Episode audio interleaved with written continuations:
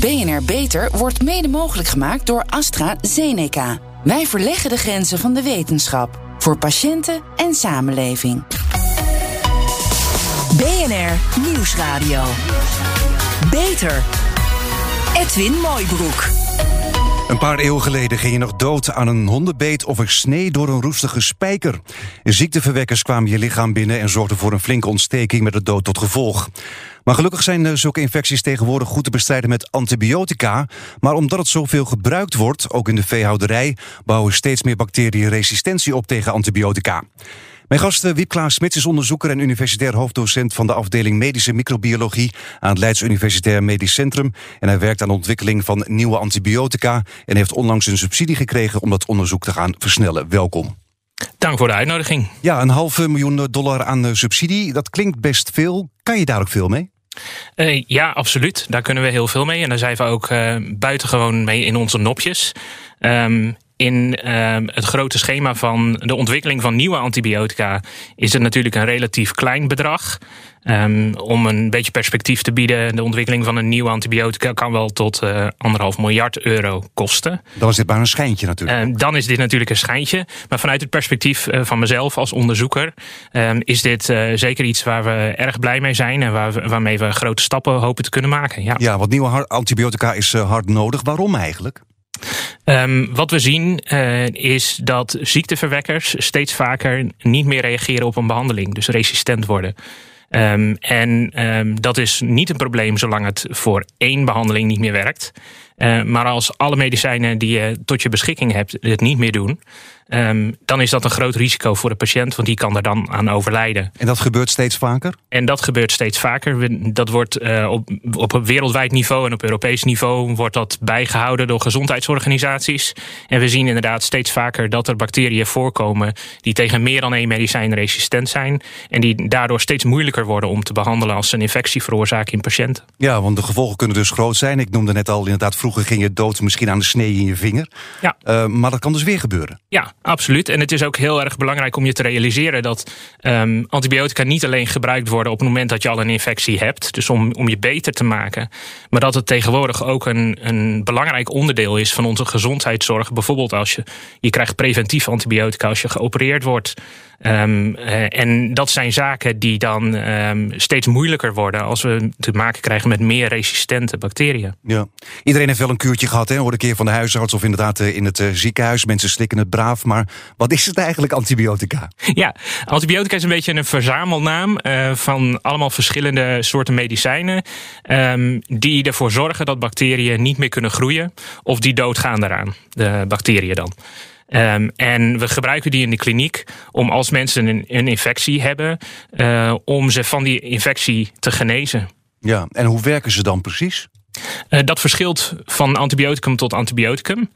Um, uh, over het algemeen is het zo dat um, de aangrijpingspunten van die stoffen processen zijn in de bacterie die ze nodig hebben om te overleven of om zich te vermeerderen. En het is vergelijkt een beetje met een fietswiel. Um, als je daar een stok in de spaken steekt, dan kan het wiel niet meer draaien. En dat is een beetje wat antibiotica doen voor de cel. Ze zorgen ervoor dat bacteriecellen niet meer goed kunnen werken. En daardoor of stoppen met groeien of doodgaan. Ja, dus als wij iets hebben, dan krijgen we een antibiotica-kuurtje. Maar het wordt ook gebruikt in de veehouderij, hè? Klopt, ja. Uh, net zoals um, mensen behandeld worden met antibiotica, worden ook dieren behandeld. Um, en het is heel lang zelfs. preventief toch in de veehouderij? Het, het is ook um, zeker lange tijd gebruikt als uh, middel bijvoorbeeld om groei te bevorderen. Juist om bijvoorbeeld te zorgen dat uh, vee meer vlees op de botten krijgt. Um, en daar zijn ze natuurlijk niet voor ontwikkeld, daar zijn ze niet voor bedoeld. Dus daar zien we wel dat, het, dat die trend aan het omkeren is, dat men daar steeds voorzichtiger mee wordt. En het is ook zo dat over het algemeen de antibiotica die in de menselijke gezondheidszorg gebruikt worden, uh, niet toegepast mogen worden meer in, uh, in de veterinaire industrie. Nee, want eerst had het ook in uh, kip bijvoorbeeld. Als je dan ja. veel kip eet, dan krijg je ook anti, al die antibiotica binnen. Ja, nou ja, het is niet helemaal duidelijk hoeveel daarvan nu daadwerkelijk binnenkomt en wat daarvan het effect is op bijvoorbeeld de ontwikkeling van antimicrobiële resistentie. Um, maar dat is wel iets uh, waar mensen actief mee bezig zijn. Um, en wat men probeert uit te vinden. Of dat inderdaad uh, een, een, driver is, zoals ze dat noemen. Uh, van het ontwikkelen van resistentie. Ja. ja. Nou, iedereen inderdaad heeft wel eens bij de dokter gekregen voor blaasontsteking, wortelkanaalbehandeling of inderdaad voor een operatie. Je zou ook zeggen van nou ja, het helpt. Absoluut. Ja, de, Het- de, de het een-. Het zijn geweldige medicijnen. Ja. En het is ook zeker niet zo ehm, dat we ze moeten schrappen uit ons arsenaal. Ehm, maar ik denk wel dat het goed is om eh, selectiever daarmee om te gaan. En goed te kijken van welke antibiotica gebruiken we waarvoor. Ehm, en is het absoluut noodzakelijk voor datgene wat we nu willen doen. En zijn er misschien antibiotica die ehm, alleen de bacterie aanpakken die een infectie veroorzaakt. En niet ook een soort van eh, bijschade veroorzaken aan eh, de andere bacteriën die we bij ons dragen. En die van belang zijn voor ons lichaam. Want je kan, omdat je als je antibiotica slikt, dan gaat je weerstand eigenlijk een beetje naar beneden en dan kan een andere bacterie gaan opspelen. Ja, ieder mens eh, die draagt eh, miljarden bacteriën bij zich. En eh, de meeste daarvan, die, daar merk je niks van. Of die hebben zelfs een belangrijke rol voor ons lichaam. Die trainen ons immuunsysteem. Die helpen ons bij de vertering van voedsel, et cetera.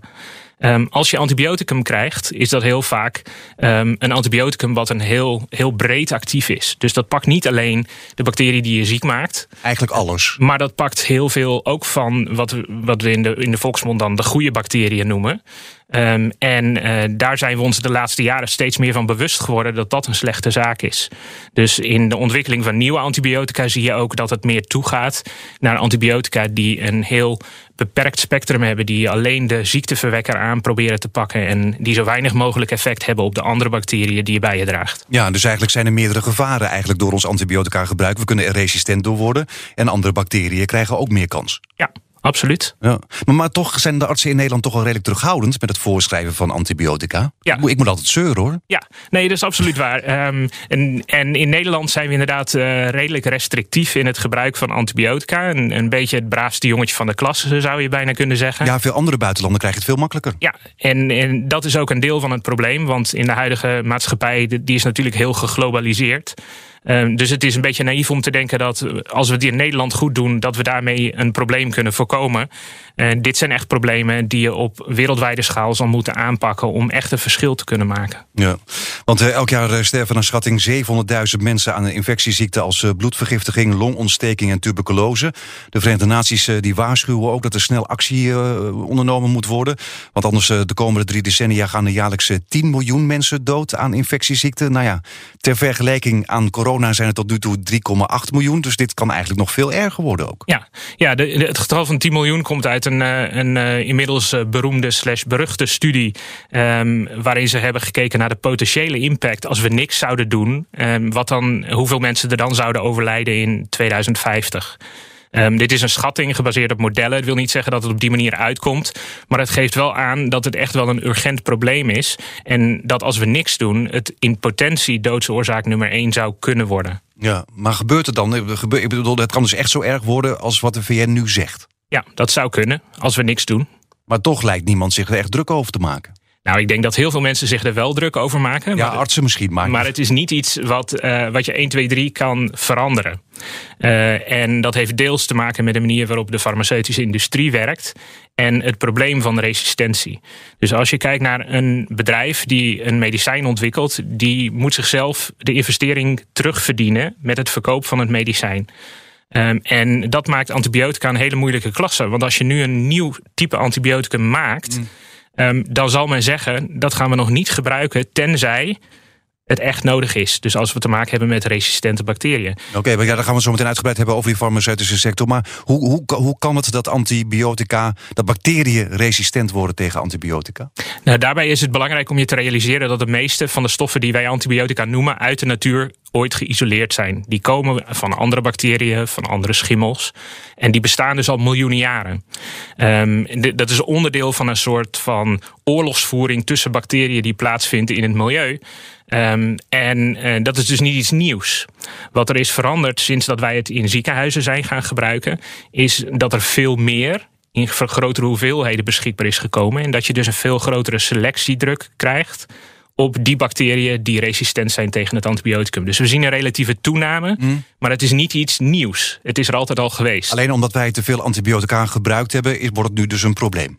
Het gebruik zorgt ervoor dat we selecteren voor bacteriën die ehm, resistent zijn. Ja. ja, maar je zou zeggen van er wordt eigenlijk al jaren gewaarschuwd. En dat we uiteindelijk inderdaad uh, resistent kunnen worden tegen uh, dat antibiotica resistent kan worden tegen bacteriën. Daarom zijn Nederlandse artsen ook vaak zo terughoudend. Gaat het nu ook sneller dan dat het vroeger ging? Um, ik denk dat, het, dat we een beetje van een afremming zien. Um, de grootste hoos kwam um, toen uh, men op grote schaal antibiotica ging gebruiken, omdat men het idee had: dit is een magic bullet. Dit is de oplossing voor al onze gezondheidsproblemen. Uh, toen is er korte tijd dus heel veel selectiedruk geweest. Nu zijn we veel voorzichtiger met het voorschrijven. Hebben we meer drugs tot onze beschikking, meer antibiotica uh, die we kunnen gebruiken. En dat zorgt ervoor uh, dat uh, we meer in de hand houden, denk ik. Ja, je kan het dus afremmen. Absoluut. Ja. Maar dan moet je dat eigenlijk wereldwijd gaan doen, hè? niet alleen in Nederland ook. Nee, zeker. Dat is belangrijk om daar over je grenzen heen te kijken. En op Europees niveau gebeurt dat bijvoorbeeld door organisaties zoals het ECDC, maar ook wereldwijd eh, de WHO, de CDC en de Verenigde Staten. Dat zijn de organisaties die zich daar ook actief mee bezighouden. Ja, want uit eh, internationaal onderzoek eh, blijkt ook dat reizigers ook heel veel resistente bacteriën meenemen. Hè? Als je ja. op vakantie bent geweest, je komt weer terug in Nederland, dan heb je in je maag heb je dan resistente bacteriën zitten. Hoe werkt dat precies? Ja, um, in sommige landen uh, circuleren veel meer resistente bacteriën. En die krijg je bijvoorbeeld binnen uh, door uh, voedsel of door drinken, drinkwater. Um, dus als jij op, een land, op vakantie gaat naar een risicoland, um, dan is de kans groot dat je uh, dit soort resistente bacteriën binnenkrijgt. En dat die maar daar merk je dan niet per se iets van? Nee, gezonde mensen die zullen daar in de meeste gevallen niks van meekrijgen. Die uh, verblijven in je darmen uh, zonder dat je daar echt last van hebt. En je ziet ook dat op het moment dat die mensen terugkeren van vakantie, dat na verloop van tijd de resistente bacteriën langzaam weer verdwijnen, omdat die gewoon niet meer aangevuld worden als het ware hier in Nederland. Mm -hmm. En dus is, dat is een bepaalde tijd dat je daardoor extra risico loopt. Maar wat, kunnen dan, wat kan dan het gevaar zijn van die bacteriën? Nou, als je een, een drager zou zijn van zo'n resistente bacterie en er zou iets gebeuren na terugkomst van je vakantie uit een risicogebied. Um, dan zou je een antibioticum kunnen krijgen. En als die bacterie resistent is, dan zou die vervolgens een infectie kunnen veroorzaken. Bij jezelf of, of bij anderen? Bij jezelf. Um, en in een, een mogelijk scenario natuurlijk ook voor je omgeving. Want de, de bacteriën die je bij je draagt, die worden ook verspreid in de omgeving waar jij verblijft. Ja, dus eigenlijk zou je ook al die bacteriën die mensen meenemen uit het buitenland in de gaten moeten blijven houden. Ja, Absoluut, en dat gebeurt ook op, op wereldwijde schaal. Wordt er gemonitord van welke resistente bacteriën komen er voor? Um, is het een reden tot zorg? Hoeveel zien we van datgene wat er in het buitenland voorkomt? Hoeveel zien we daarvan uh, terug in Nederland? En organisaties als het RIVM die zijn daar ook uh, absoluut uh, druk mee bezig. Edwin Mooibroek. In 2050 zullen mogelijk meer mensen overlijden aan infecties door uh, multiresistente micro-organismen dan momenteel een hart- en vaatziekte of uh, kanker, zo waarschuwen onderzoekers. Ja, wat is er nodig om dat te voorkomen? Ja, nieuwe soorten antibiotica, maar je hoort al, de ontwikkeling is duur en risicovol en veel farmaceuten trekken dan ook hun handen ervan af. Daarover praat ik met mijn gast uh, Wiep Klaas-Smits, universitair hoofddocent van de afdeling Medische Microbiologie aan het Leids Universitair Medisch Centrum. Ja, u zei het al even, inderdaad, het is kostbaar hè, om nieuwe antibiotica te ontwikkelen. Waarom eigenlijk? Um, ja, dat heeft meerdere oorzaken. Allereerst moet je natuurlijk een nieuw antibioticum vinden. Uh, en dat is al een uitdaging, want sinds het midden van de vorige eeuw, toen we heel veel nieuwe antibiotica hebben ontdekt, hebben we wel zo'n beetje alles ontdekt wat voor de hand ligt. Uh, dus uh, het vinden van een, nieuw, nieuwe verbinding, dat is op zich al een uitdaging. Daarnaast moet je een bepaalde hoeveelheid ervan kunnen maken, zodat je genoeg hebt om het aan mensen te kunnen toedienen. Hmm. En dan uh, moet het nog blijken dat het veilig is voor toediening aan mensen. Dus je moet een heel traject door van klinische studies. Um, en die klinische studies um, die moeten tegenwoordig over meerdere landen heen met heel veel patiënten om te includeren. Um, en een antibioticum wordt vaak ook van gezegd dat het beter moet zijn dan iets wat op dit moment voorhanden is. Nou, al die dingen samen die zorgen ervoor dat de ontwikkeling van nieuwe medicijnen gewoon erg duur is. Ja, onlangs hebben leidsonderzoekers 42 nieuwe potentiële antibiotica uh, gevonden. Vooral uit bodembacteriën. En dat is niet ja. het antibioticum dat u gebruikt, hè? Uh, nee, uh, het uh, antibioticum wat wij bestuderen is een volledig synthetisch antibioticum. komt niet van nature voor. Het is um, gemaakt? Het is gemaakt in een, in een laboratorium, inderdaad. Um, maar um, ja, die, die antibiotica die uit, uit de bodem geïsoleerd worden, daar zijn inderdaad, dat, dat is een soort van schatkist waar we uit kunnen putten.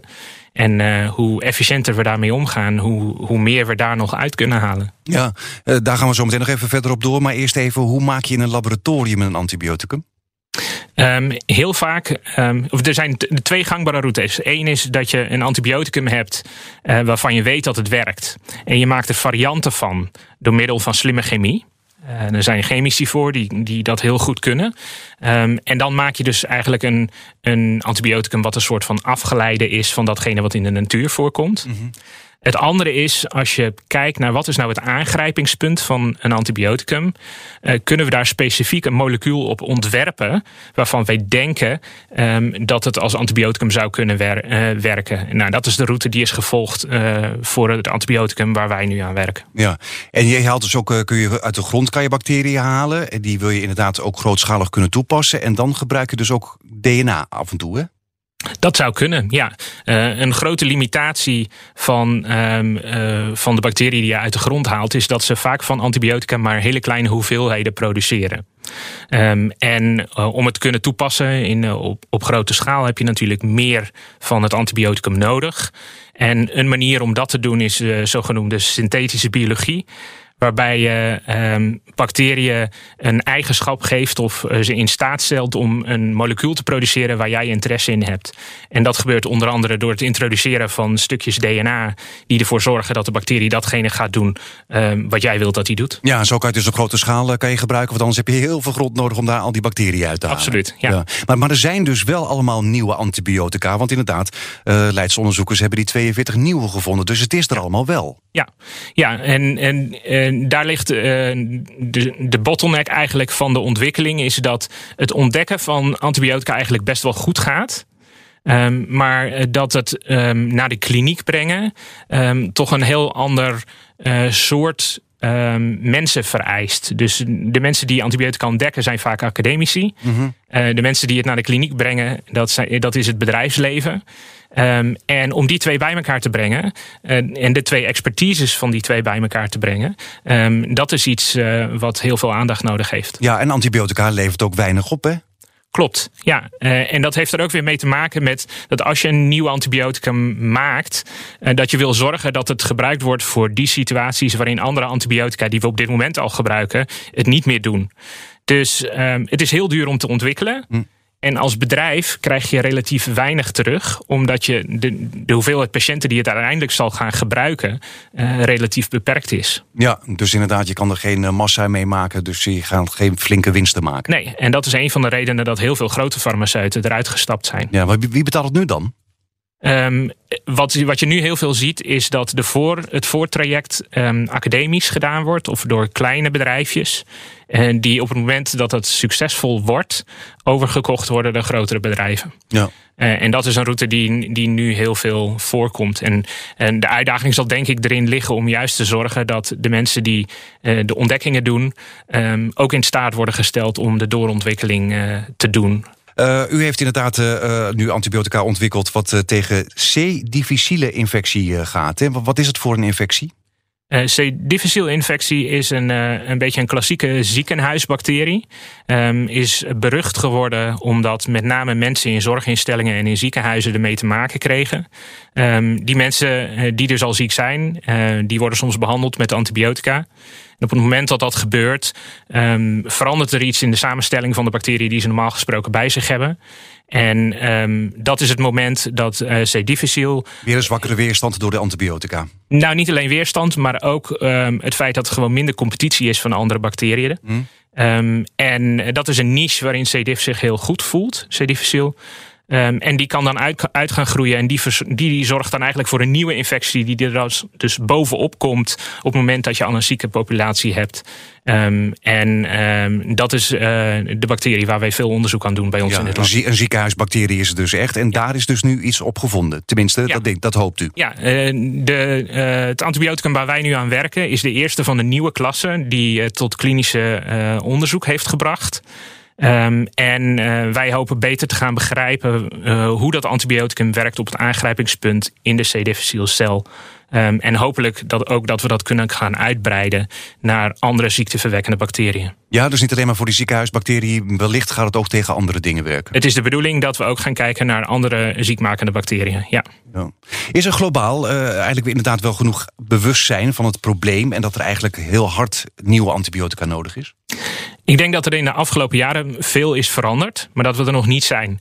Um, want het is niet alleen nodig dat we nieuwe antibiotica ontwikkelen, um, maar het is op alle niveaus uh, dat we uh, ingrepen nodig hebben om te zorgen dat resistentie geen groot probleem wordt. En dat begint bij artsen die voorschrijven, bij het publiek die antibiotica gebruikt, um, bij onderzoekers die kijken naar van hoe wordt een bacterie nou resistent of hoe vinden we nieuwe antibiotica. Dus je hebt heel veel verschillende poten nodig om uh, dit echt verder te kunnen brengen, denk ik. Oké, okay, dank voor uw komst en uh, ja, succes met het belangrijke onderzoek. Graag gedaan. Wiep Klaas uh, Smits was dat. En wil je meer weten over de ontwikkeling van nieuwe antibiotica? Kijk dan op www.bnr/beter. Zorgvernieuwers. Er zijn volop ontwikkelingen in de zorg. Nieuwe medicijnen, technieken en behandelmethoden maken het leven van de patiënt beter en het werk van de specialist makkelijker. Wat zijn de laatste innovaties? Nou, overal in ons lichaam zitten trilhaatjes. In onze longen, onze nieren. En deze zogeheten cilia hebben belangrijke functies. En wetenschappers van de Technische Universiteit Eindhoven die hebben ze nagemaakt. Jaap den Toonder is hoogleraar op de universiteit en als onderzoeker betrokken bij de ontwikkeling van die trilhaatjes. Welkom. Goedenavond. Waar zijn die trilhaartjes allemaal goed voor?